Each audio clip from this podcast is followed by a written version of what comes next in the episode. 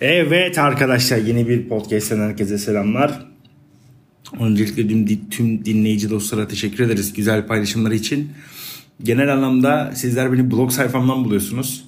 Doğrudan podcast arama motorlarında daha o kadar çıkacak kadar popüler, popülerleşmediğinin bir podcast kanalımın farkındayım. Ama umuyorum ki zamanla popülerleşir.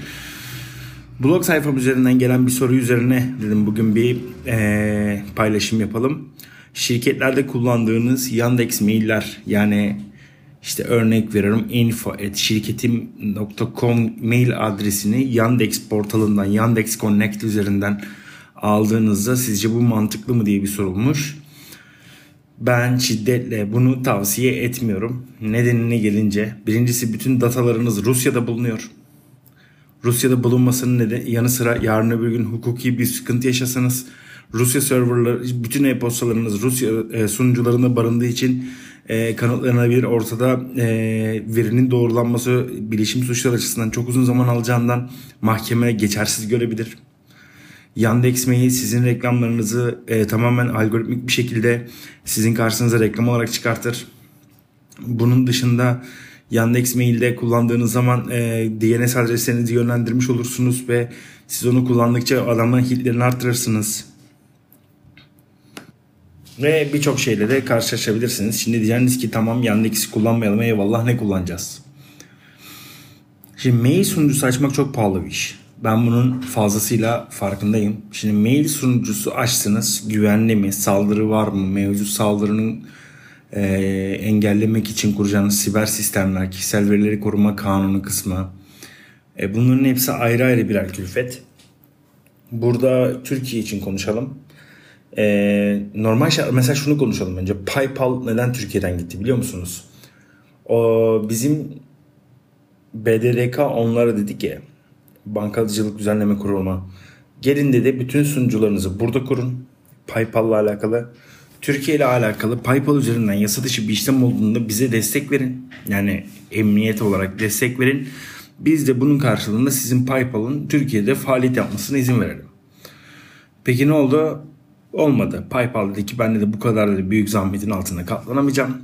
Ben de bu kadar büyük zahmetin altına giremeyeceğim için Türkiye'den ayrılıyorum dedi. Hikayesi genel anlamda e, en üst seviyede böyle özetleyebilirim. Şimdi Yandex'in de benzer durum var. Yandex'in de hiçbir şeyi yok. E, Yandex'in de sunucuları Rusya'da olduğu için çıkıp şimdi e, yarın öbür gün hukuki bir statü yaşadığınızda e, Rusya'daki sunucularda bulunduğu için hukuki anlamda herhangi bir durum yaşadığınızda ve tabii ki de size yardımcı olacak kimseyle karşılaşmayabilirsiniz.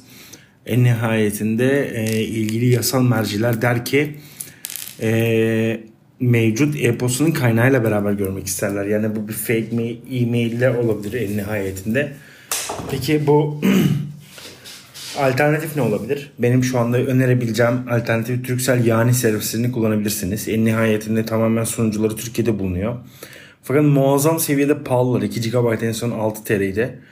E, keşke bunu biraz daha ucuz yapsalar da insanlar daha fazla faydalanmak istese.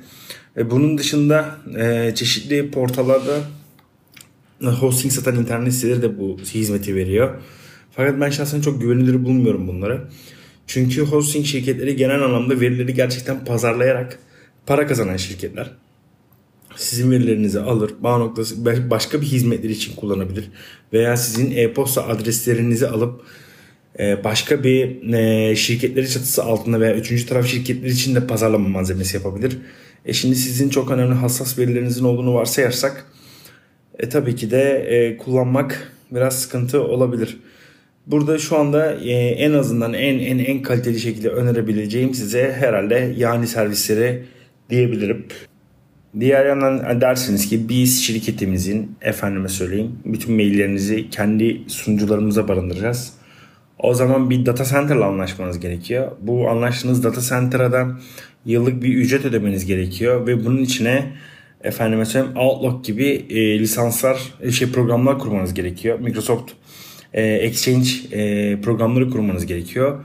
Fakat böyle durumda da şu lanet durumu yaşayabilirsiniz. Sistem diyor ki tamam arkadaşım kurabilirsin ama e, size şeyi tanımlamıyor. Kullandığınız mesela e, Microsoft'a dair exchange sunucu diyelim güncelleme paketlerini geç attığı zaman mailler çökebiliyor ve benzeri bir dünya problem yaşayabiliyorsunuz. E, burada keşke Microsoft 365 e, servislerini Türkiye bir kısmını kursaydı da bizler tamamen yararlansaydık bu işten. Fakat gördüğümüz kadarıyla ne Microsoft ne Google ne Amazon sağ olsun hiçbirisi serverlarını bizim ülkemizde daha kurmadıkları için ki kurmalarını ümit ediyoruz. İleriki zamanlarda uluslararası entegrasyon açısından daha rahat olması için e, herhalde ondan sonra biraz daha bunları geliştirebileceğiz. Şu anda size en verebileceğim yapıcı örnek yani servisleridir. Onun da fiyatı biraz pahalıdır. Fakat muhakkak çok toplu alımlarda indirimleri vardır. Onları da inşallah e, indirim yapmaya, ucuzlaştırmaya buradan davet edelim. Ki bu kadar yüksek fiyatlarla e, e-posta servis satışı yapmasınlar. Bir sonraki podcast'te görüşmek üzere. Dinlediğiniz için teşekkürler.